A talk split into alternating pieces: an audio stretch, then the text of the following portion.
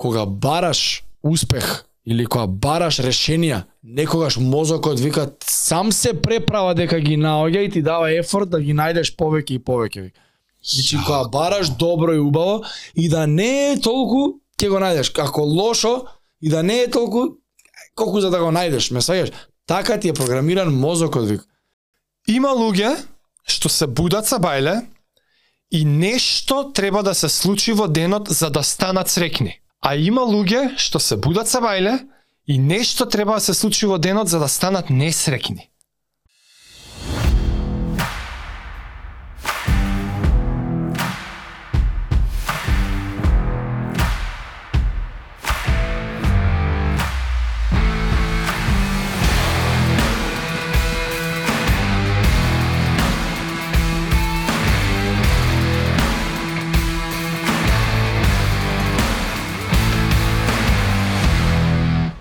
Контент диета.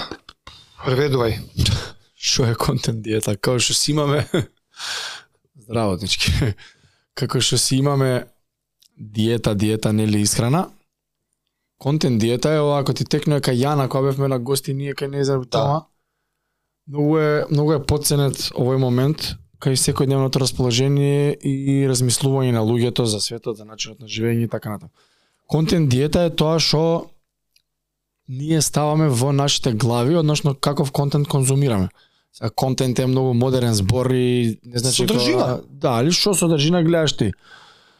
Како што има добри исхрани или диети, како што има лоши исхрани.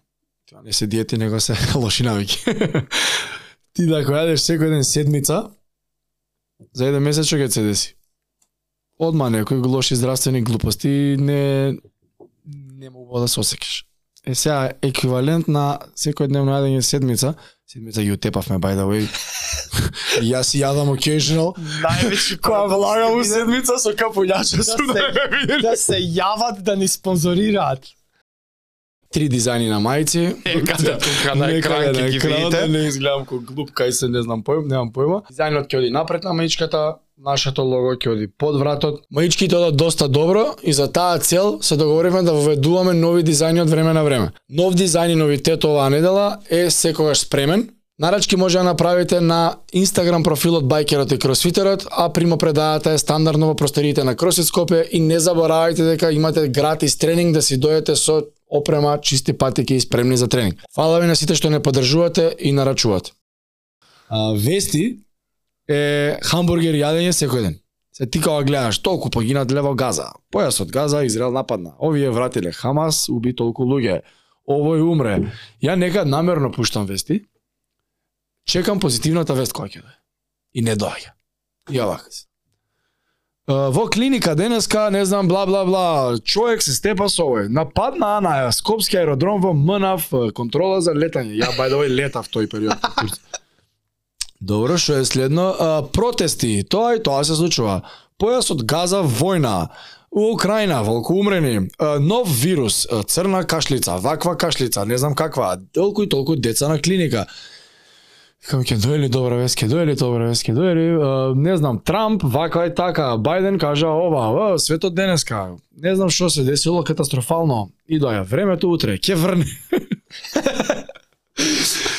Као, what the fuck? Си кажеш, замисли ти секој ден ова да го конзумираш. Не до не убаво, не убаво, не убаво, па сега имаш оние тај МК. Кликбейт таму има. Само лошо. Ова се деси, она се деси, она се. Јас разбирам вести да се гледа пример.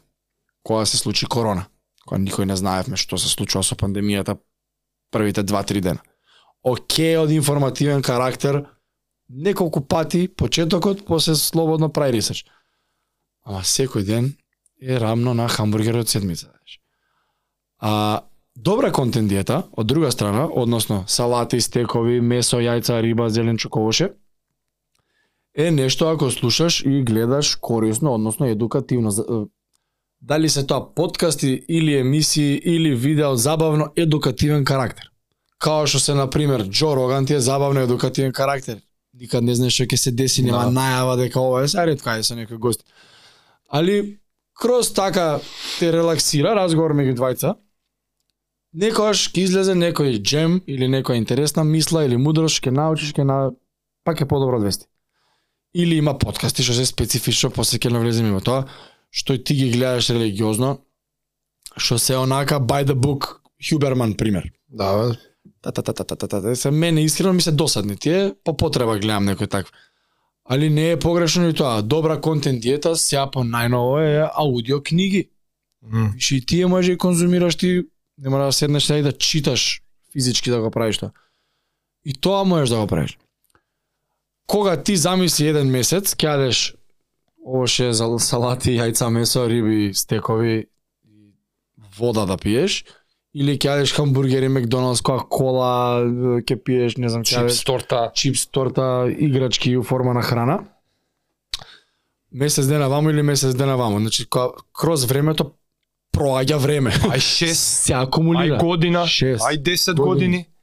И што сме направили? За 10 години некој завршил три факултета у, у главата, а овој тука што направил? Ги сите војни на овој свет ги знаеме за ниве 10 години, конфликти, кој бил крив, прав, корона, вакцини, ај, ме разбираш? Ја и понатаму би отишол.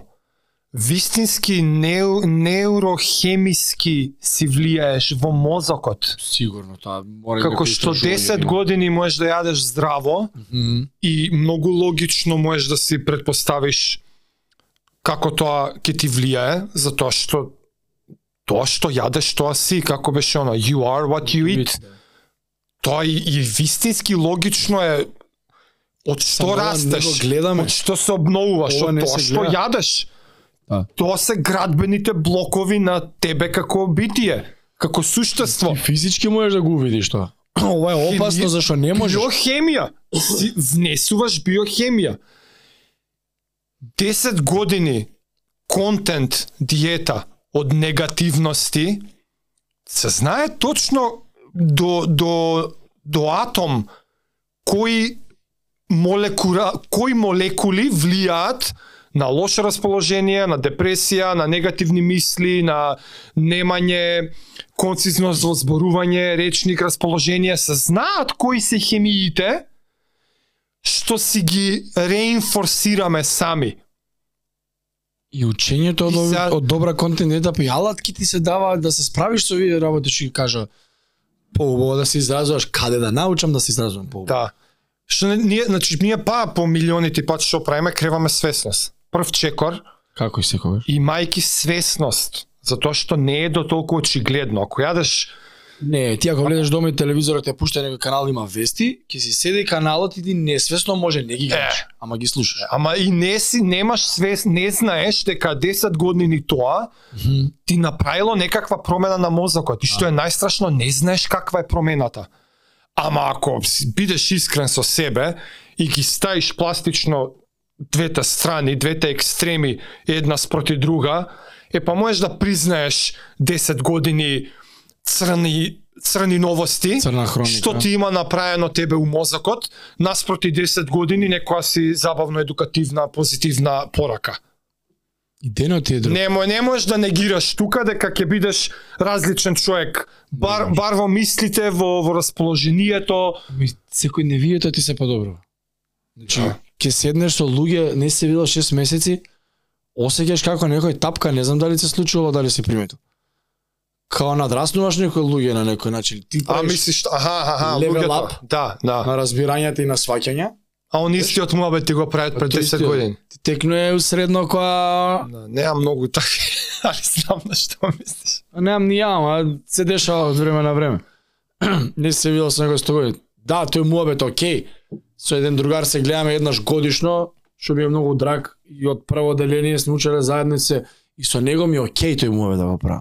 И он иде напред во у кариерата, супер успешен дечко, е, ама со него стварно еднаш годишно се видам и ми е смешно кога кажа, ти текнали усредно лара човек што правива. Тогаш, толку. Се ти со некој да е тоа муабет, ама ги надраснуваш тие луѓе. Не, не, знам, знам на што Мер мислиш. сакаш да. Сам себе си се осеќам некојаш како сум направил левел ап и си викам, мм, браво, продолжи. Тоа е тоа. На добар пат си, знаеш, зашто некад мора да ги тестираш програмите, Е. диетите, знаеш, ако не направиш тест нема знаеш дали напредува, нели? Се што е мерливо се се подобро. Ама овие работи као се тестираат. Кој да ми каже мене пластично? Кидеш, нема ти ќе навредиш некој, немаш така. Ама сам Стварно, а и многу малце има. и тоа е па друга Дури сега еве еве медиуми, YouTube и чуда има и да бидам искрен има и мала презаситеност од ова што ние го правиме.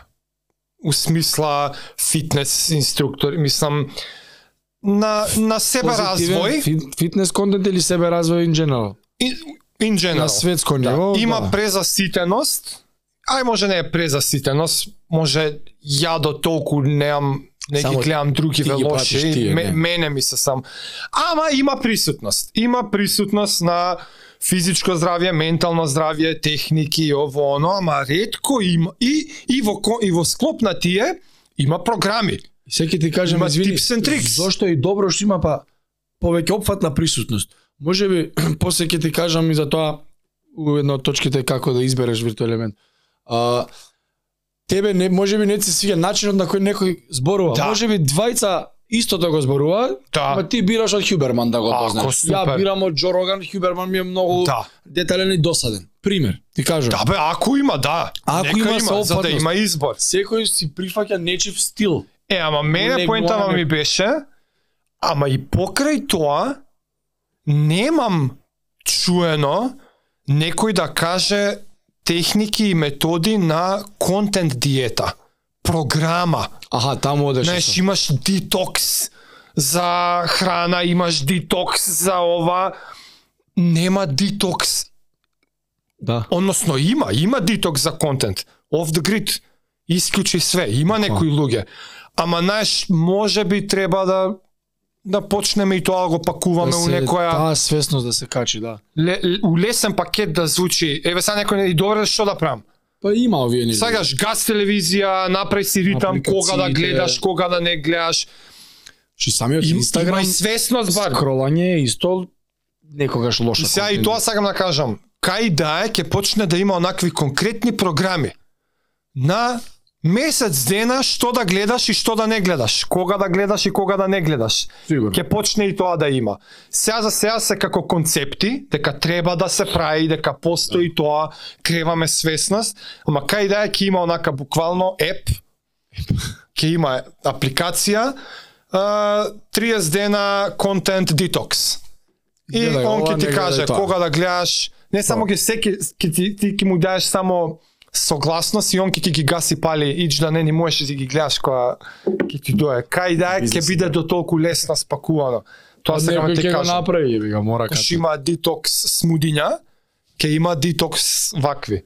Имаат онакви Е, retreats. Сега ова е наш обид како може да се Америка, прави ова. Да. А, значи, установивме што е контент диета. Што е добра, што лоша контент диета, значи, ајде пак, вести, значи упорно со тие вести. Ги кажа што. Да, ама зошто вестите се толку лоши? Ќе каже некој тебе човек не ќе се информира што се случува во државата или во светот или во. Да. Меѓутоа од не знам 1950 некоја година вестите биле информативна програма. Ова се случи денеска. Ова се случи денес. Тоа и тоа се направи. Што се случило дента во таа држава информација и чао. Сега овие спикериве, ајде на светско ниво по 20 милиони годишни договори имаат, брпа, бркаат пропаганди, агенди. Така, зборуваат малку, нели, ка сега, денеска ќе...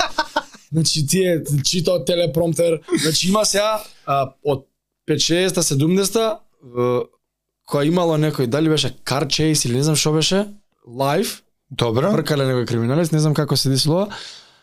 И наеднаш виделе каналов дека многу луѓе гледаат. И сватиле од тука, вестите почнале да ги прават поише на си ги филувале како им одговара, негативни А. вести, е и чекај, бе, опасно, и да, да, да видиме што викаат вестите денеска.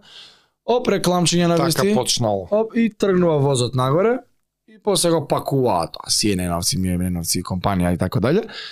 И стануваат вестите као една форма на пропаганда. Нели, у задње време не е ни тајна тоа која телевизија со која партија е у светот. Нели, CNN се демократите, Fox News се, се овие републиканците.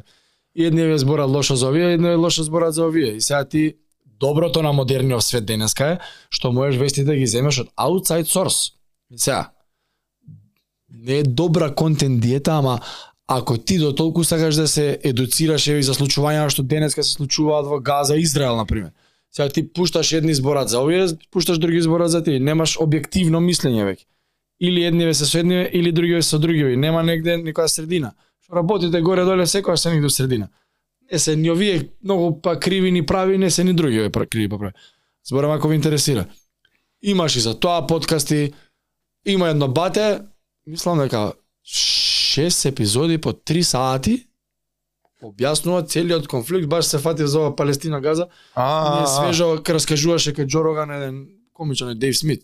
Аха. Имате вика ако сакаш да, да дознаеш објективно.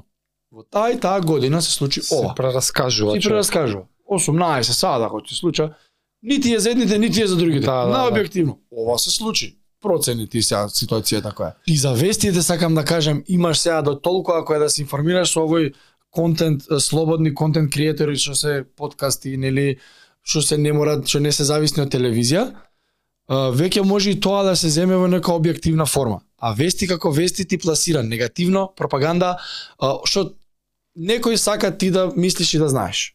Што на крајот денот, минутажа, да, клами. слотови, што мене не ми се сви. Да. И затоа тоа е лоша контентијата. Ло, добрата од друга страна, избереш ти што сакаш. Више светот е толку отворен, толку се индепендент луѓево. Ти сакаш за кошарка, имаш само за кошарка милиарда подкасти. Сакаш Да. гости од хип-хоп светот, имаш за хип-хоп светот.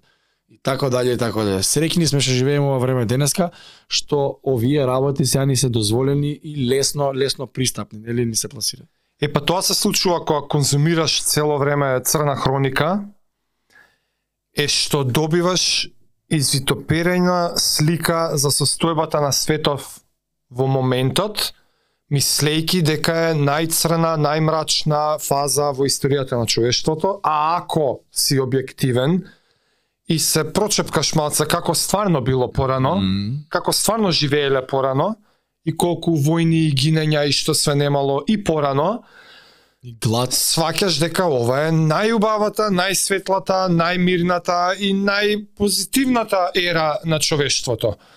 Друго што сакав ја се надоврзам. И ова ќе звучи многу глупаво, ама само затоа што актуелно го зијам како пример, не ми е ова ставот баш за овој пример, ама војната у Украина, војната у Израел. Само пробувам да се замислам пред 50 години, татко ми, баба ми и дедо ми, дали ги заболело нив, дали некој у Саудиска Арабија имал војна. Или у Аргентина, или у Монголија, или у Казахстан, или Белгија, или Израел. или кај да е. Копал не човекот, немал ни радио, што го заболело него, дека негде имало војна.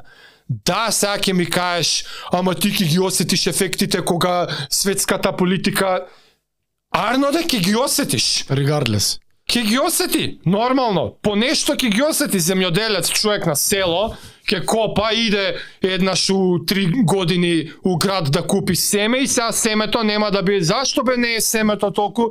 Па имаше војна таму, знаеш, ние ги носиме со брод. А така ли е така?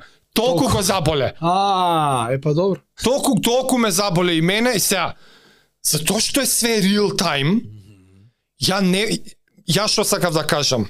Еве ја не гледам, ја немам преку 10 години гледано телевизија затоа што неам и неам никаде ако и да сакам да гледам вести, неам. И сега некој ќе ми каже, ама треба да гледаш за да се информираш. And yet сум информиран. Да. Доволно.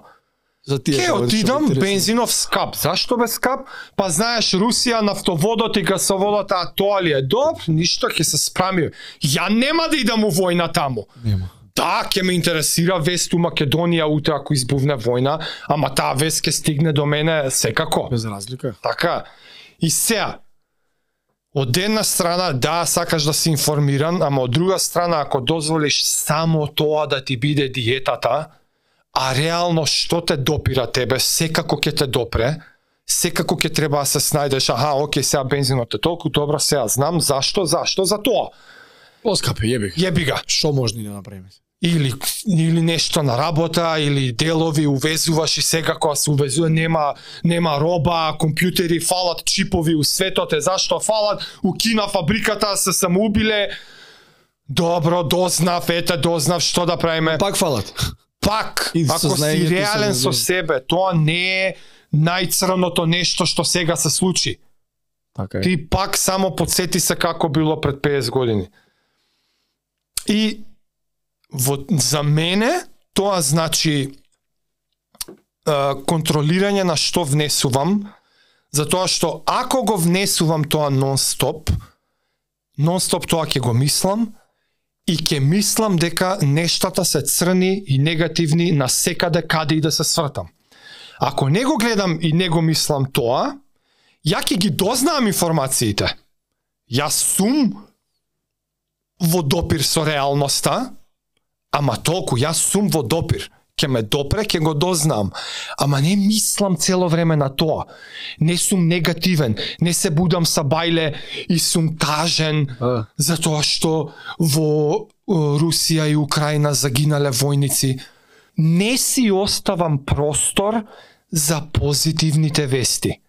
Не си оставам простор за да дознаам и нешто убаво, за да мислам, макар и во илузија, а не е илузија, е реалност. илузија ако гледаш. Ако гледаш реално, е реалност, дека светот е најдобар Најдобар е што некојаш бил како. од што било кога бил. И твојот живот е најдобар, и живееш во најдобри услови, Лесен и брз. и ле... Све е се лесно е најдобро и ќе живееш најмногу и најсрекно и Да, најздраво да, да. во било која И медицина е најнапредна. И за тоа што ја не гледам и не не конзумирам таков контент, имам простор да го попунам со овие реални информации што ми даваат реална позитивна слика. Ај можела порано у библиотека одиш за информации, сега и YouTube ја живеам позитивно. Само за тоа. Јас се будам среќен. Ја многу че, ја уште од средно ова имав една изрека и често точно ке знае другаров кој ќе ја кажам на кој мислам. Има луѓе што се будат са бајле и нешто треба да се случи во денот за да станат срекни. Аха. А има луѓе што се будат са бајле и нешто треба да се случи во денот за да станат несрекни. Едниот се буди несрекно и бара нешто да се случи за да се расположи. А другиве се веќе расположени. И нешто треба да се случи за да се оне расположи. Индиректно или не, таа состојба на како ти се будиш Тоа е тоа. е наложена од што ти имаш конзумирано во деновите и месеците и годините предходно. Ако ти се храниш у мозокот хамбургери, торти, црно, смрт, Војна, војни, криза. кризи, чуда, ти ќе стануваш со таа информација у глава. Ако ти се храниш со информација за Еко иновација имало, овој напредно. инновација, најново комедија, уметно, филм убав, те Инспиративен. сте запрашале некои филозофски прашања, што си гледал некоја представа, перформанс си видел некој убав. Тоа беше инспирираше. Вау, види што може човекот да направи, па ја ова у мое време не едва и Сакаш едва и еве кошаркар некој, ние се мучевме да шутираме, види го сега Стеф Кари, ма. 50 тројки од пола терен, о, ве, има развој што Јас со тоа, јас сум ја мислам дека нема друго. Дека светов е тоа, ја нека сега и тоа е екстрема ќе збориме за тоа и за екстремите. Ја има моменти кога се фаќам на Шално е негде у средина работата. Ја ја има моменти кога сум премногу розев.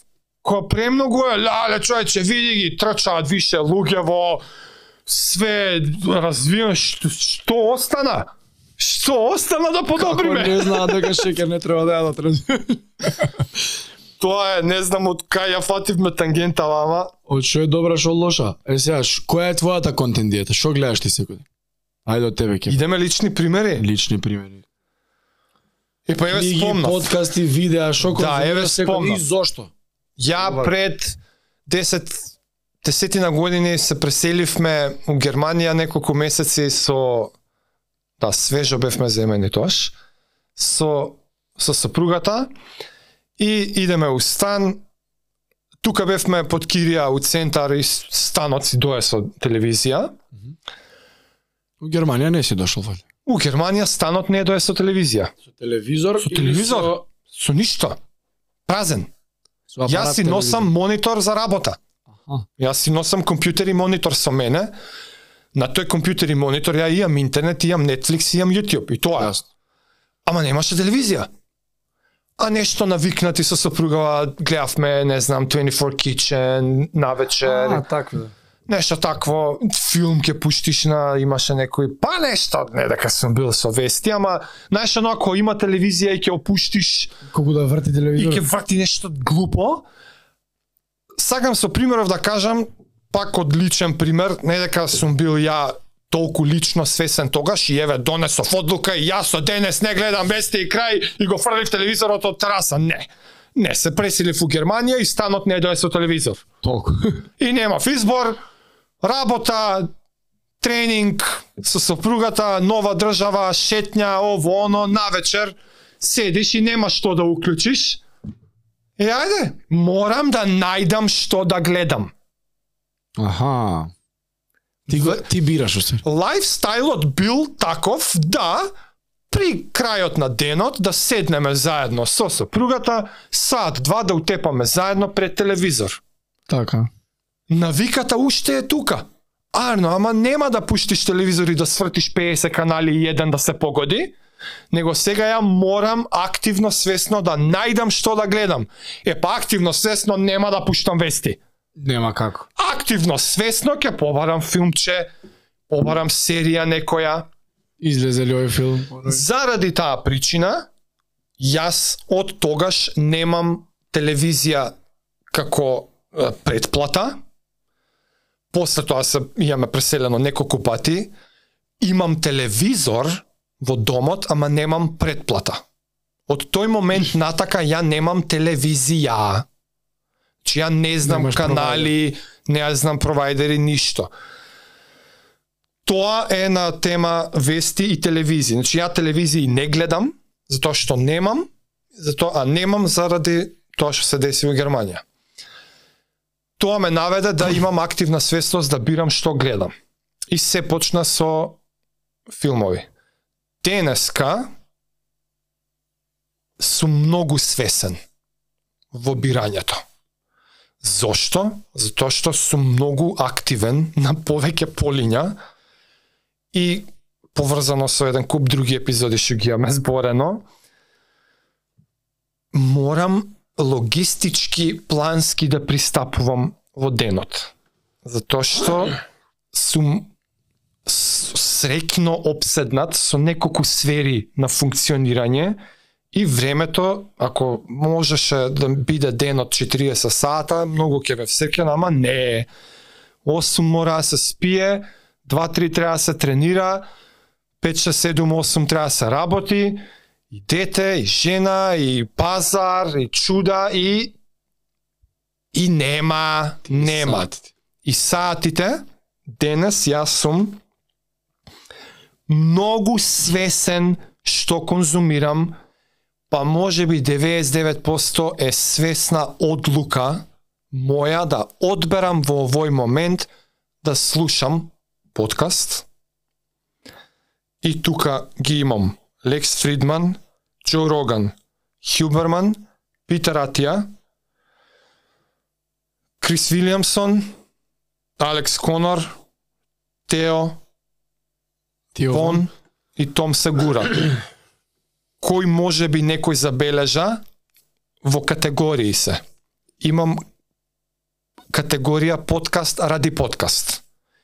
Имам апла едукативни. Хюберман е научник на Стенфорд.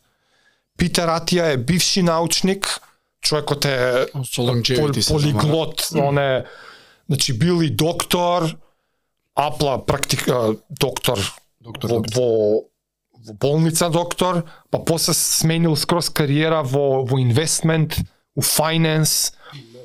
Од него ми е концептот имај свесност за како сакаш да ја живееш последната декада. Тоа е најдобар мотиватор за како да мотивираш некој да прави сега нешто, Денес, да. да го станеш од кревет, само соочи го со фактот како сакаш да живееш последната декада од животот. И дека што и да замислиш, сега треба да почнеш да работиш. Од него ми е тоа научено и земено. Значи, он ми е научнен, Тео Вон, Том Сегура, имаш uh, Бил Бър, и он си има свој подкаст. Тие ми се комедија. Тука ќе ти се надоврзам за диетава дека конзумирам многу свесно и комедии. Стендап, Нормално, бе, како не. Сите си ги пратам, си ги гледам, си ги бирам. Ако, ако уклучам телевизор, или е стендап, или е филм.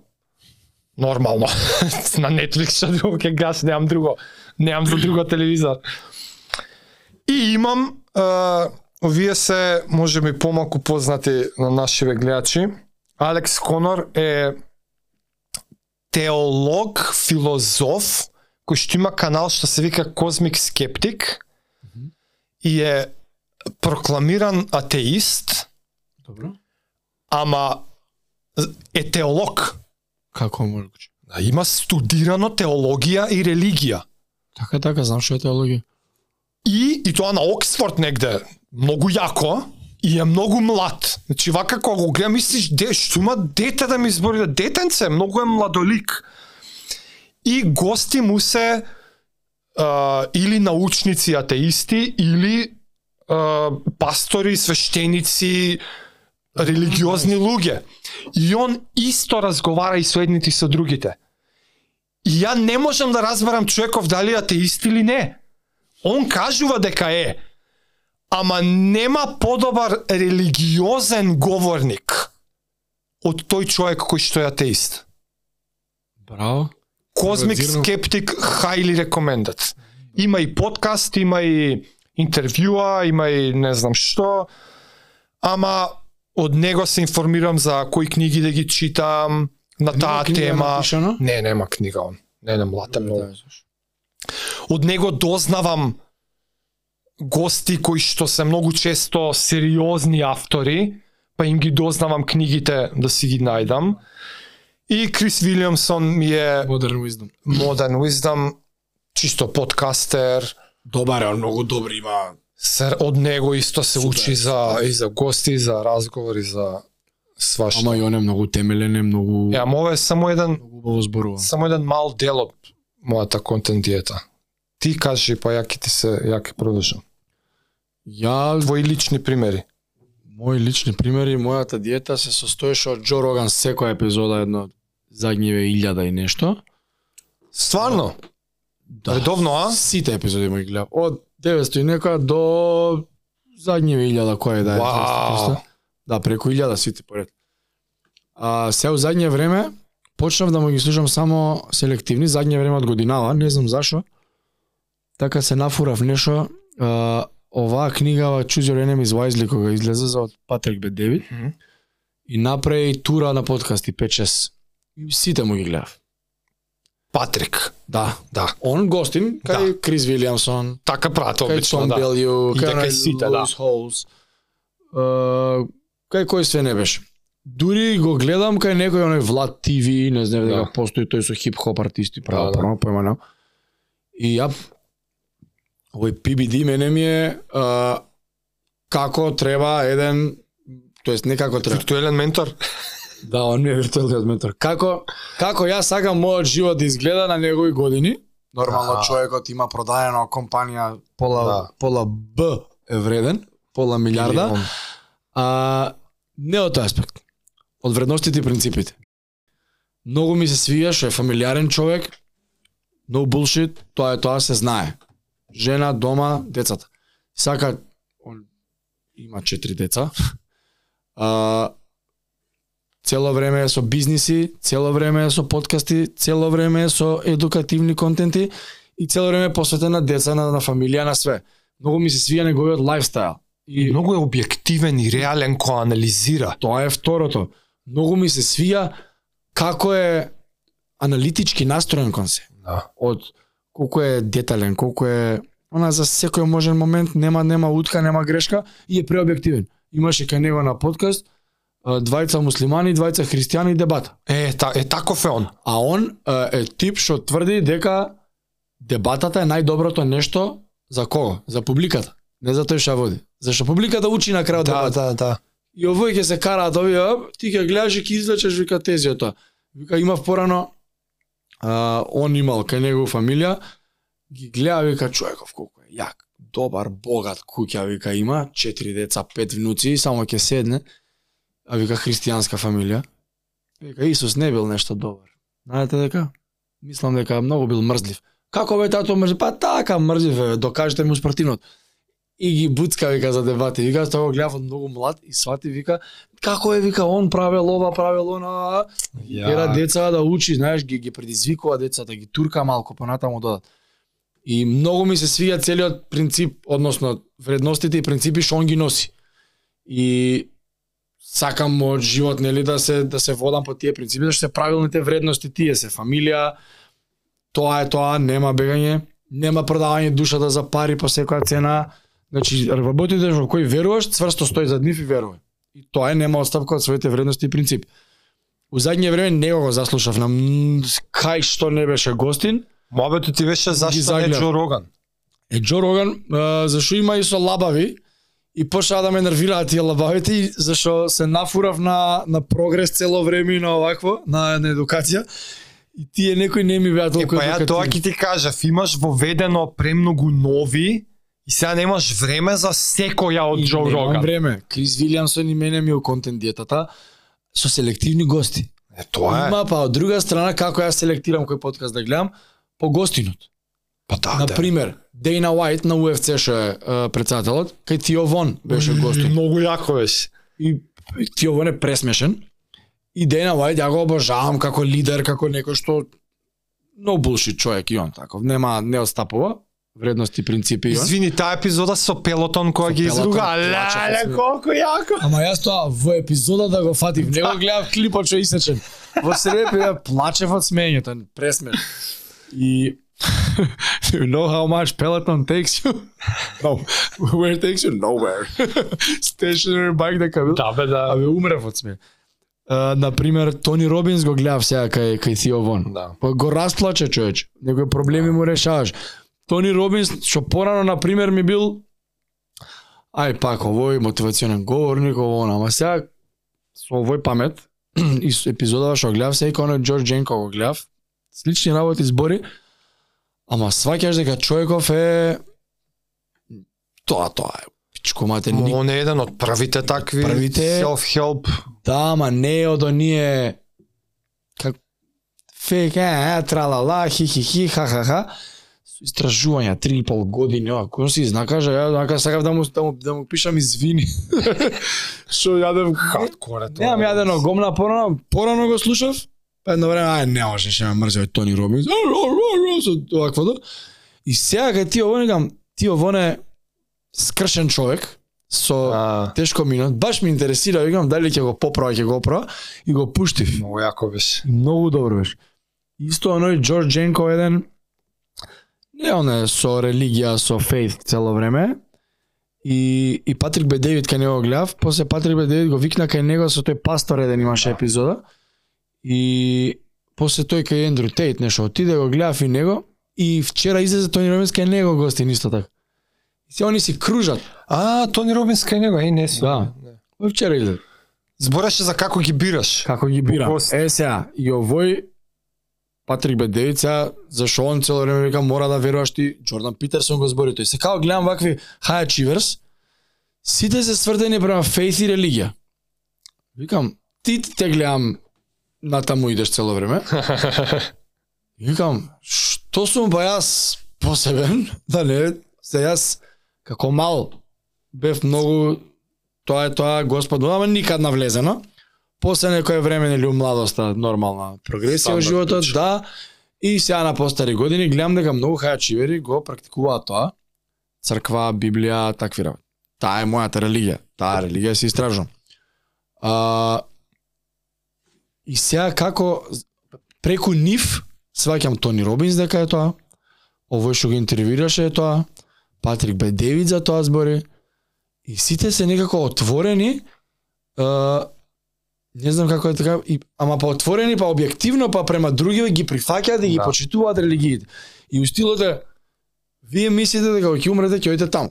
Ние и да мислиме дека ќе идеме таму. Вие мислите дека ќе идеме таму. Никој нема да дознае додека не умре. И вика тоа некој така те ослободува тие некои стравови и во рацете на Господ. Верувај за тоа е верба. На крај еден ќе биде управо, може никој нема да биде управо. Ама џабе си се докажуваме ние Да. се тука. Тус ирелевантно е. Да, not Ама сите ја добиваме бенефитот од вербата. Да. И муслимани, и христијани, и хинду, и буда, небитно. Do your thing. Е, па тоа е. Ама вредностите од кај се. Вредностите и принципите се тие и на луѓето ја што сакам мојот живот да го моделирам спред Тоа си го увидел. Тоа го увидов. Си им го видел НЗС-то на Да, луѓето. на сите и ми се отвори као аха. Каде вредностиве на луѓето? Да.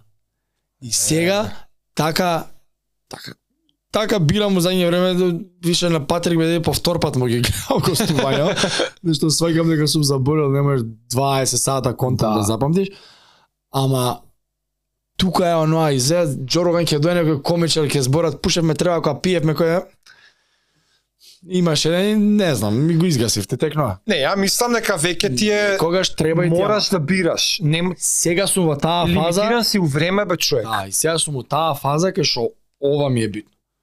И само тоа ме интересира. Сега со Book Club и ќе се расчиташ. Сега уште помалку подкасти ќе гледаш. Сега пептен ќе бираш.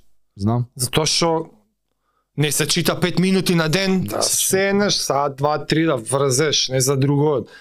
И, и вон книгата, тој акт на седнување, не можеш да читаш со пуштен телевизор и радио и, и, и Да, лупо, да, да. не. Чи мора да седнеш со свирење на телефони, се мора да изгасиш за да прочиташ книга два сата. за да си ја... Самиот акт тие два сати на мир, знаеш која вредност ја има човеч? Да. Тоа тоа е немогуче. Ја тоа сакав таму да продушам дека за мене ти кога кажа пред некое време за контент диета дека ќе збориме, тој концепт на содржини што ги конзумираш, ако го преведеме така, контент диета, содржините што ги конзумираш. Мене ми отиде паметот и не само на што гледаме по уреди, на телевизија, на телефон, на ово, не туку и, и што приметуваш онака низ, низ секојдневието во животот, кога одиш надвор, што конзумираш?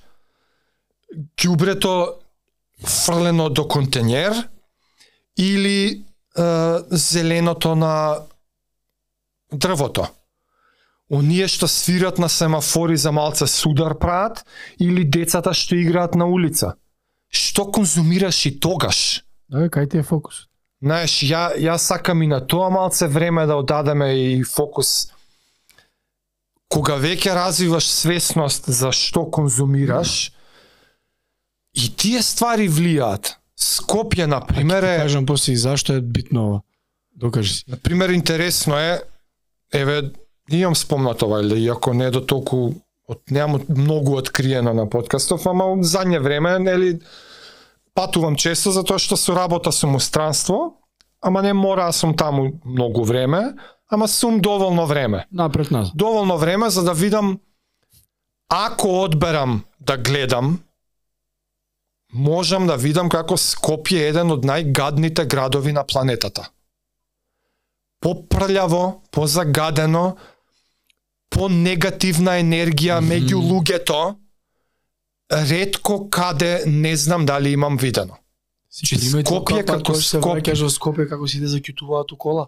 Кога влагаш Значи не не се доловува од физички колку е гаден, од ѓубре, од прљаво, од се гледа немање ефорт.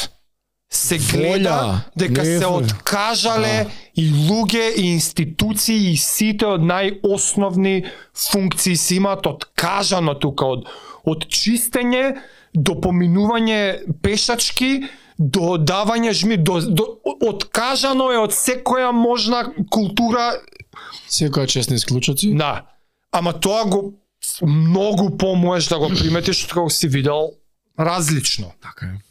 Ќе можеш да Ама споредиш. не ми беше тоа целта на ова сега.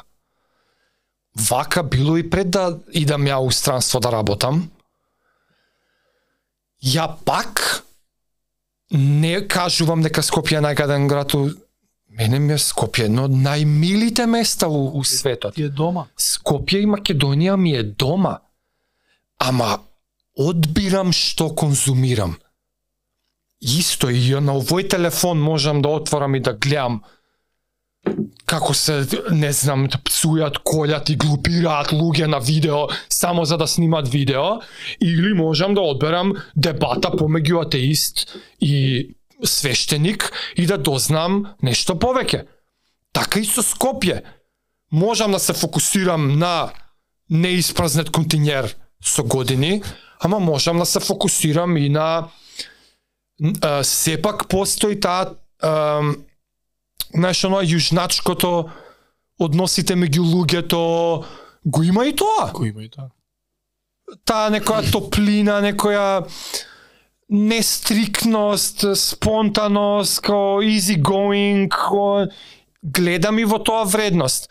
Гледам вредности во, са не треба секојаш да си така кога работиш, работи, извини, друже. Да. Знаеш, ама помага, помага многу кога бираш што конзумираш. Не знам што има поише на таа тема, се Ево каже ти. дека Сега со Тони Робинс епизода баш се фативме, таа ми е свежа. Му кажува со примерот. Баре плаво собава, баре кафеаво собава. И сега овој ти овон бар, ајде, сега замисли. што се фокусираш. врска. Да, ама стар стара фора е ова, ама сега има знаеш и надополнува. Баре кафеаво, бара кафеаво. Добро, замижи му вика. Отвори очи. Ајде сега вика, кажи ми што виде црвено. Е, добро. Ајде сега барај црвени работи. Бара, бара, бара, бара. Замижи. Добро. Отвори очи, кажи ми што виде плаво, нема врска. Вика, супер, форава сите ја знаем. Дали може би кога бараше кафеаво, виде нешто што не беше толку кафеаво или не беше кафеаво, а си го преправаше дека ти е кафеаво. Да, вика, она малце пона крем ми удара, ама вика, мајка, фава, шо го е, онда не напоише работа. Дали вика го бараше црвено, најдева, да, а јас за црвеното јас барав дома. И видов лилјаково цвеќе, вика, мене црвено. Кога бараш успех или кога бараш решенија, некогаш мозокот вика сам се преправа дека ги наоѓа и ти дава ефорт да ги најдеш повеќе и повеќе. вика. Значи кога бараш добро и убаво и да не е толку ќе го најдеш. како лошо и да не е толку колку за да го најдеш, ме сваѓаш. Така ти е програмиран мозокот вика. Ја. Ја бев као mind blowing, као what the Ра. fuck. А ја мене ме заеба, лилјаково цвеќе видов. Тули го Еве црвено, замижи што има плаво добро виде. Па викам реално лилјаково цвеќе на роза. Реако е. Е, тоа е тоа што го збори. Значи, можеш да бираш, ако бираш да гледаш добро, па некојаш и нешто што и полудобро ќе би испадне добро. Е сега следното е виртуелен ментор, зашто е ова од огромно значење. Виртуелен ментор е како ја што еднаш ти пишав Патрик Б. Девид мојот е кај твојот, гостин, кај Крис Вилиамсон. Да. Уште не знае дека ментор ми е, само не знае, разбираш? Да, да, да. Да, убав А- концепт е тоа, објасни го. Зашо Што се поистоветува со вредностите, принципите што ги има тој човек и успехот што го постигнал, како го постигнал. Ако тебе ти свиѓа тој стил, пример, пат, можеш да го земеш, да го препишеш што се вика од него, и да се скрати патот без да дадеш динар. Само треба, како што рековме, нема бегање од напорната работа. Треба да истражиш, да гледаш, да пратиш, да гледаш, да да истражуваш, да правиш. Како се бира виртуелен ментор? Сега, ај, ова преска заборев која е мојата контент диета, како се бира а, за подкаст да ти е добар. Мгм. Има три елементи да да е добар интервјуер, добри интервјуа да прави, да е забавен како лик, да е интересен и да те интересира неговата перспектива на работите што ќе се случуваат. Мгм. Или што ќе каже Джо Роган ги има овие три. Да трифекта, за тоа е толку добар презабавен е, смешен е. Перспективата секоја што интересира че Джо Роган шоу еднаш ти кажа ја не идам на лекар, чекај Джо Роган шоу збори за ова, ти текнува на една епизода за ментално здраве или за што беше? И- да. И добар интервјуер е. Да. извлекува од луѓето. А, е сега за, за виртуелен ментор е дали се свига крајниот резултат што тој го постигнал, ако е тоа точно, кој е патот по кој тој одел. И обично успешни луѓе секогаш ќе ти го кажат патот, никој нема да ти го кријат. Само треба да прашаш. Односно, ден денес па снимаат Да. и го кажуваат патот. Јас бев ова, направив ова, ми се случи тоа, ми се случи тоа. И многу се битни овие работи да видиш дека и најуспешните на светот биле у некој лоу-лоу у животот. И дека не ти се дешаваат само тебе, браче, лоши работи, и дека сега ти крајот на светот што не знам, било ова или она или се родило Македонија. Па и од тука има еден тон успешни луѓе, и тука има, и од сегде има. И од полоши место од Македонија има успешни луѓе. Мојот виртуелен ментор од Иран, Сирија. војна има избегано две години во камп у Германија, рефуджи камп, за да отидат у Америка на 10 Милиардер. на 10 11 2001 се вработува. 9/11 удира ден покасно. И сега тој личи на као на Middle Eastern малце црномањест, Да. одма со предрасуди, сега и тој е тежок пат. Ама успеал човек. Ми се свига начинот на размислување, ми се свигаат вредностите, ми се свигаат принципите што ги има човек. Ми се како се однесува со фамилијата, присутен татко, она родител тие работи. Работи што мене ми се битни у животот. Ја отвори уста нешто едукативно. Тачно. Едукативно забавен карактер. И он пушта фори од време на време, знаеш, Да. не е стално. Ги сред, почнува отвара епизодава со атеистиве, со муслиманите и со и со христијаните. И Вика, слушај, дечки, тука сме денеска да дискутираме кој е најдобар тим во 90-те во NBA. а покрај тоа, се, сега има пушта и такви фори. Ајде, јак. виртуелен ментор може да ти биде секој оној по кој сакаш твојот живот да го базираш или каде сакаш патот да го фатиш. Замисли колку нов концепт е тоа резултат само на ново во време. Виртуелен ментор. Кај ќе си учел порано дека книга напишал една тој. Толку. Чао. Значи имало ментори, да, ама мора да го запознаеш. Да. Мора да бидеш во негово присуство. Во пракса, Ќе те примили. Да, и од те како ќе те прими, колку ефективни сати со тој ментор ќе поминеш за да абсорбираш информации.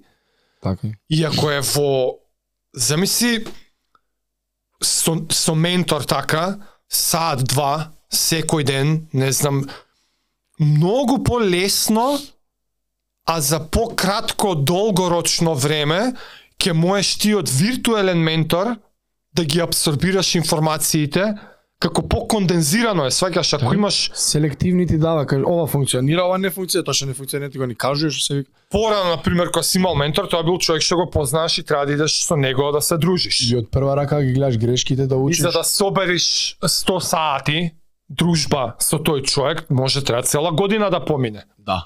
А ти 100 сати дружба со Патрик Девид можеш да направиш за еден месец. Точно. 3 сата подкаст од Патрик Пет Девид, у 30 различни сценарија, со 30 различни луѓе, на 30 различни теми, Кажеш колку е кондензирано. Да, да, да. За месец дена имаш нешто што порано година дена ќе ти требало. Па може и повеќе. А може и ти, ти за каков човек збориме за Колку јака сега ова го увидов, виртуелен ментор дека е нова нова ствар, нов концепт. Да. И никој нема изговор се. Скоро сите од тие познаите прават контент. Па мене Да. први виртуелен ментор ми беше Коби. Кога прекина да игра.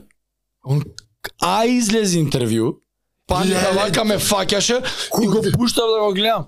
Да, да. Ја не Секој беше ненормално. Ја не го сакав поише од кога заврши него ли дури играше, ја не го сакав кој играч го мразев Коби Бран. Леле, Како му мисли него глава, он кога умре, ја како некој близок да ми увел, ја една недела не може да се оправам бе. Душата ме болеш. Леле ми го зема Коби викам човек. Нема интервјуа више со човек. Никогаш да има. Ке нема извор Ever. на, на Нема извор од мудрости знаењето него. него. Ми го убија, ми го умре. А тој колку имаше од сите он Он како, го свати животот. како 10 години порано од цело овој тренд 50 години. директ директ со луѓето ги има сите овие мудрости Сите. воочено. Колку. За growth за mindset. симплифицирање на сите работи стварно Коби беше а отвори уста запишувај. Книги запишувај. за деца, оно Оскар доби човече за година дена да. па да. кажуј. Па, на, вика... па со Патрик Бе Девит му беше едно на јаките. Најаките. Кој збореше за за ти дур се разбудиш, ја имам 6 сата тренинг направено бе. Ај тоа, а со е, идеш вика денес на тренинг. You fail. Се враќаш дома. Добро. И Шо правим? Идам утре, се подобро или ќе се откажам? Идам утре, ќе идам пак. Добро, идеш утре. Ма си подобар. Супер. Дали фейл на Да. Добро. Идеме утре. И пак, и пак, и пак. Секој Да. Шо има се ти да паѓаш у или си изгубил утакмица? Добро. Дај тејпот. Кај изгрешивме? За една која кажува а, изгубила финале, не знам, женски коледж и вика ја гледаше дај вика земи ја get the tape и да гледаме вика грешки. Како вика ја немам гледано од како изгуби. Како ќе знаеш вика кај си изгрешила, како ќе се оправиш. Вика, Кога како? Како да бе, не бе не си нормален ја да гледам тој пораз, знаеш колку ме боли мене. Добро тоа вика, остани тапка место. Дојди вамо. Стварно е. Не вика само твоите пасови или твоите тачис, така се вика. Аха. Целата утакмица ќе ја гледаме, ќе анализираме. Вика. Зошто стои тој тука? Зошто тука? Која акција викаат? Доктор за кошарка. Доктор. Доктор Бог. Е, он ми беше еден од првите несвесни Да. и многу ми беше мука кога, кога, кога умре. Леле, викам, нема да има пак со Коби ништо више никогаш. И старите не ги гледам, се не можам. Е, збори за керка му, како, какви планови имам за неа и не, не можам. И за тоа и со Патриот Девид не мога да гледам, више не можам. А предобро беше. Дур, Да. траеше, беше добро. Ние спомнавме книги и дури Book Club направивме за тоа. Ама јас да искористам оваа прилика дека голем дел од мојата контент диета во последно време е книги. И кажав и зошто. Прво, самиот акт на читање е нешто што фали. Фали. У новото време се повеќе фали време на смирување на, на себе си, на околината, на влијанијата, на сите е, овие ш, ш, на, Outside noise. е така, да. Надворешна outside, бука. Знаеш на што мислам, на буката од надвор. Фали тоа, значи фали смирување и актот на читање те форсира да да е тоа. И не само тоа, е, книгата имаше еден објаснуваше вика ако зошто е убаво да читаш книга? Затоа што тој некој што ја пишал таа книга што ти ќе ја прочиташ за да речеме 10 сати човекот што ја пишал книгата потрошил 10 години. За да го собере знаењето, го изфилтрира, го испроцесира, го спакува, го испарсира меѓу неговата перспектива, истражувал, прашувал, друге, испакувал, скоцкал, ти го направил на тебе и ти го конзумираш за 10 сати, нечи труд за 10 години. И имаше убава паралела. Подкаст е некој истражувал една недела и ти ќе го конзумираш за 2 сати не знам интервју, не знам песна, не, и сите тие се не, нечие прежвакано дело. Книга е форматот у кој што нечие прежвакано дело е резултат од најмногу време. И сега ти конзумираш нечиј 10 годишен труд. Тоа е една од стварите, а и пак ја навиката, навиката и од лично искуство имаше време која повеќе слушав подкасти, а читав книги, сега пак несвесно се фаќам дека повеќе читам. Море не, не, само се сменив како ги Како ги конзумираш? Ја почнав ко тебе, Аудио? подкастиве ми се само аудио, односно ги пра... Не, ја порано, Ти гледаше вака? ја порано делував два сата и не правев ништо друго. Не, бе, тоа е изгубено време. Не, не, ја порано седев и гледав подкаст. Два сати. Сега го слушам додека правам друго. Додека возам, додека тренирам, додека нешто друго. Така што, из... да бе, да, тоа се случи. Ти не дека не слушаш подкаст. Почесто На ги слушам начин. додека правам друго, па ми се ослободи времето, кај што наместо да гледам телевизија, Mind blow. уствари се па така и се случи бе, јас се фатив и, еве сега имам Пати што? вишак два седа, два сата, седам на фотелја. Знам дека не ќе да пуштам телевизија, оти ќе потрошам 10 минути дури да најдам што сакам да гледам на Netflix или нешто. И оп книга. И и една книга, друга, трета, и имам Kindle и и на листа ми стојат и само од една на друга и ми се свига навика да знаеш убаво ми е слично убаво чувство како после тренинг имам за време читање. Знаеш, чувството после тренинг е задоволството од тренингот, на завршеното. Ама ова не е такво, не е задоволство од како прочитав, еј, убаво сега, читав два сати и убаво ми е на душата. Не, не, не, додека читам ми е убаво. Дали таа смиреност, Ти си имаш ритуал јак, додека ти читаш, читаш, физички Е, читаш. тоа е, Јас ги слушам ритуалот и книгите. Не, не, не, јас имам ритуал на читање. За Седам, овој месец бук клап, да морам и јас. кафенце, чајче, нешто. И два ја чекам.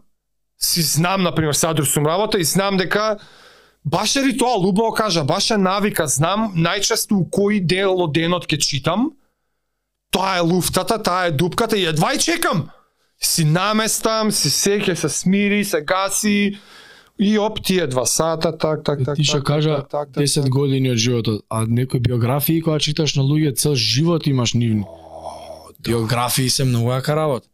Од аспект на книги и контентит. Плюс не знам зашто бе, кој ќе ќе едукација од книга кој ќе добиеш hits differently. Мгм. Другачие Така сме допира. програмирани, дека си учел у школа од книги. Може. И си ја чукаш главата, сега леле, овој подкаст кажа некој рандом, а нема врска, од многу од подкасти се учи. Не, не, има, има, имаш поише време да го е да тематска го свариш.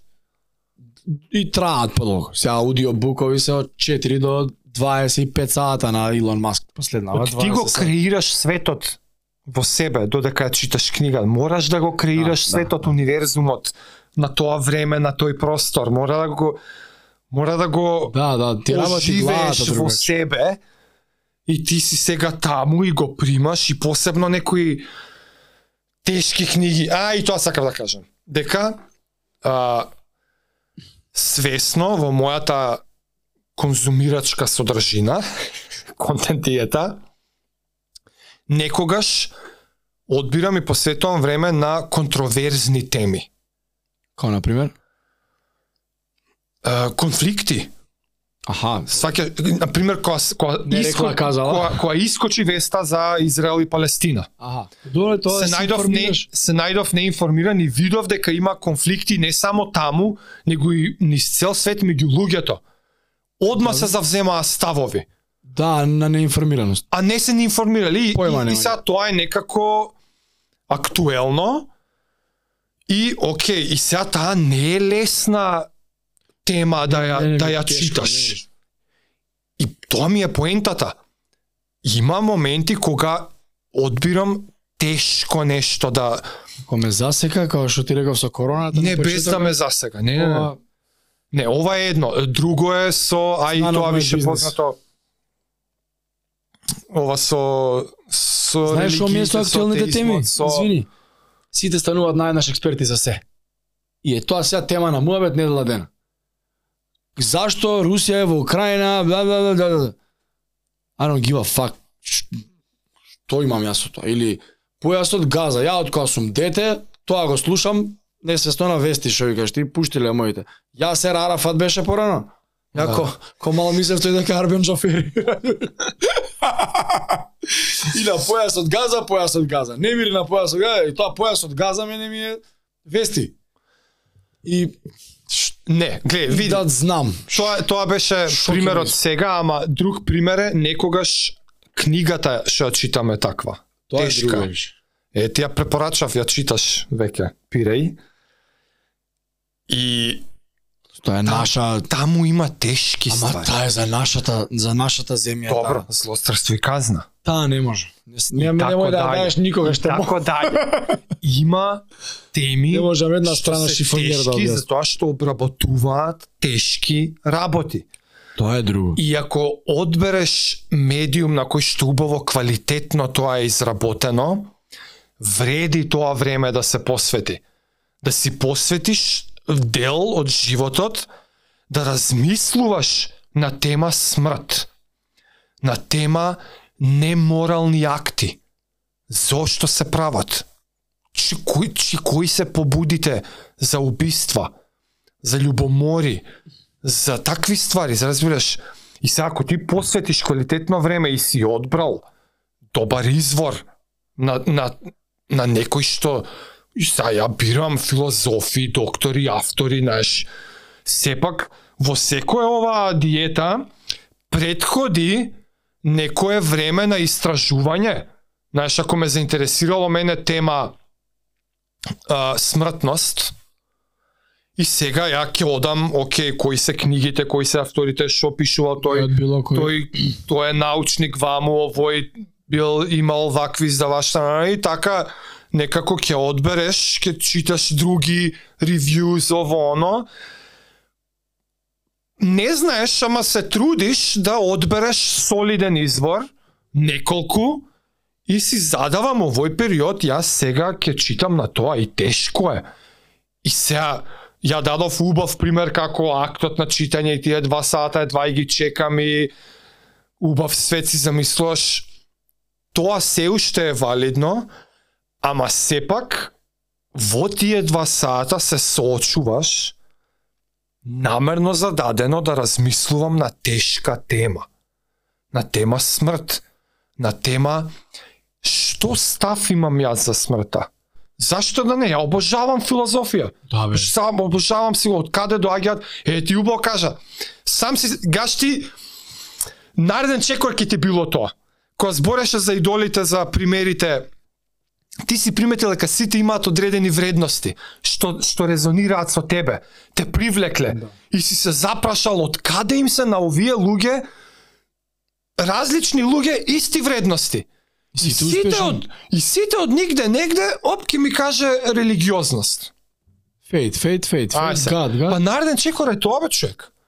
Нареден чекор е ти да се информираш повеќе за тоа. Па, да се Е па кога ќе почнеш ти да се информираш повеќе за тоа, што мислиш, што теми се обработуваат таму? Така е, бе. Живот, смрт, Да. зло, љубов, од каде? Така е. Зошто? И убавината е и да нема одговор, мора да го поминеш процесот на мислење на таа тема. Ти лично, не некој си, Да, де. тој некој си мислел и правил. Многу луѓе седнале пишале. Не пишале за да ти го стаат на тебе у глава и ти копи пейси сега јас сум Патрик Б. Девид. Библијата не е направена за теа ти да проповедаш истото, Да, де. Ти како го ти сваќаш? да го прочиташ, ти да го процесираш, ти да пробаш да живееш по тоа и таков некој циклус на прашување и одговарање на тешки прашања, за да тоа е мудрост човече. Да, Како ќе стекнеш мудрост? Не е све мет и млеко, са ние преска го направивме, ја немам гледано вести и мене животот мет и млеко, сите срекни, идеш Скопје, пее. Не е така, се Не е така. присилувам затоа што гледам вредности у тоа. Ти сега несвесно кажа tips and tricks. Си седнуеш за читање. Несвесно кажав типси, да. Да, имам ритуал. Типсите Како да, да, да створиш навик. Што викаш, еве ти гледаш ти се слободеле два сати. Да.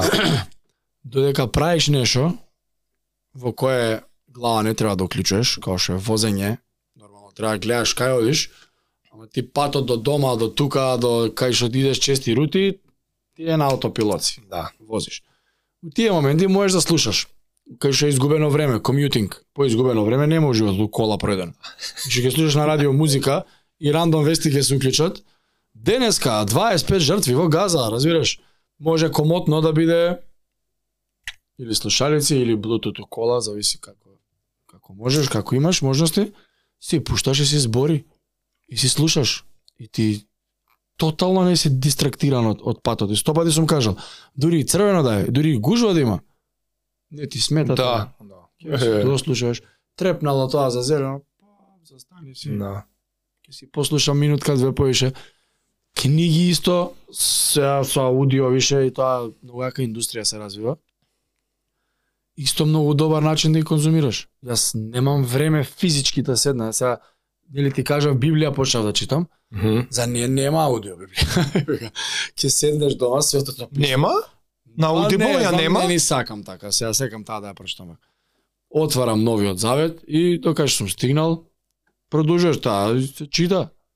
И некако те смирува малце.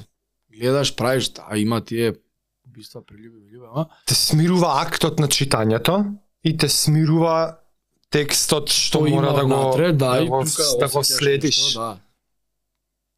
Така да тоа е за Tips and Tricks. Додека правите некоја небитна работа во животот, како чистење, раздигување машина, диплењалишта, можеш тука да го искрижи да слушаш, не мора Да. да го гледаш подкастот физички. Да, сега. можеш да слушаш подкаст. Рековме ритуал, да го, да го направиш како ритуал. Тоа е друг tips and tricks.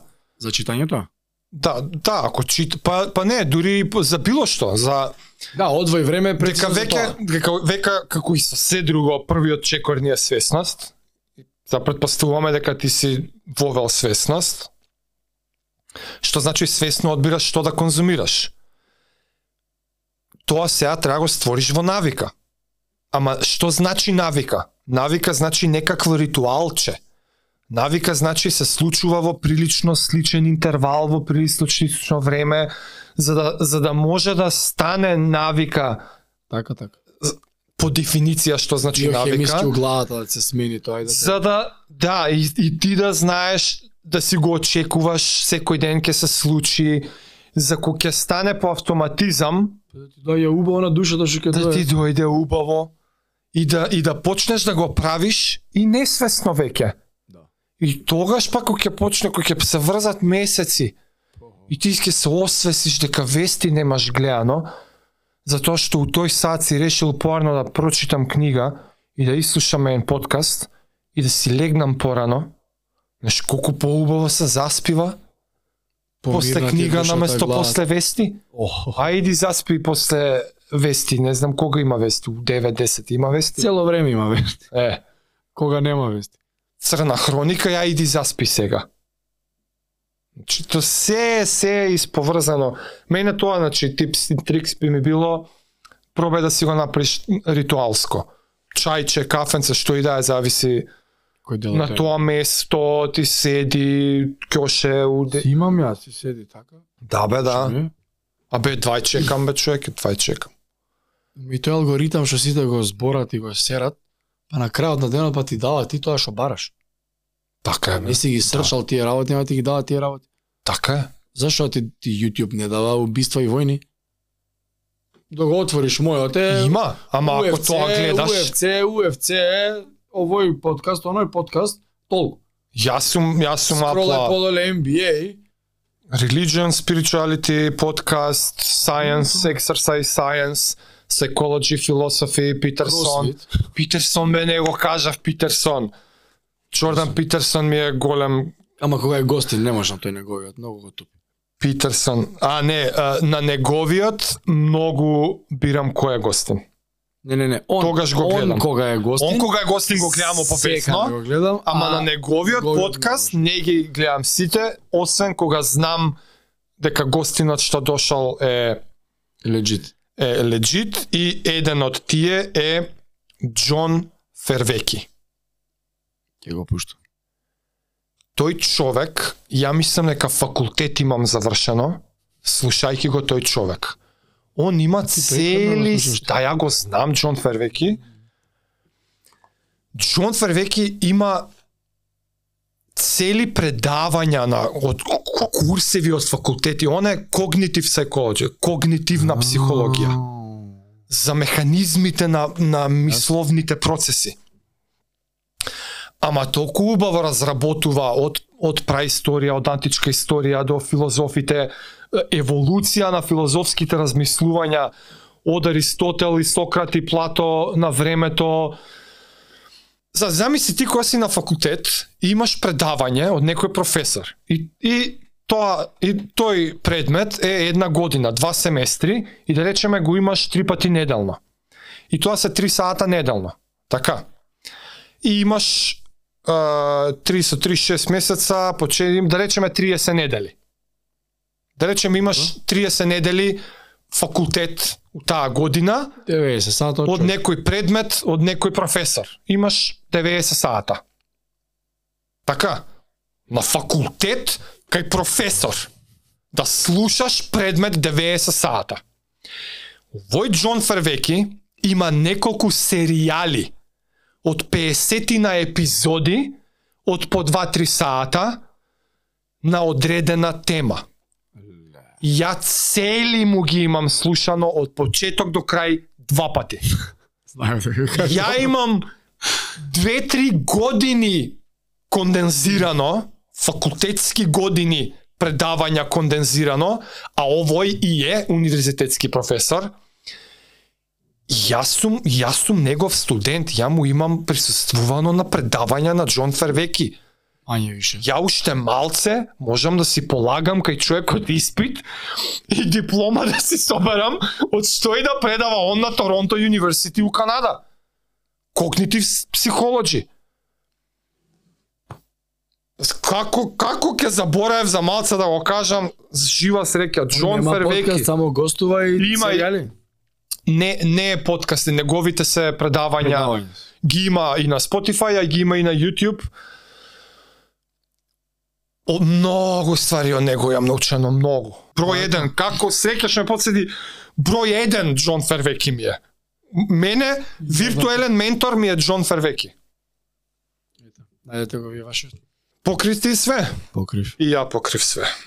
Ајде, чао. Поздрав.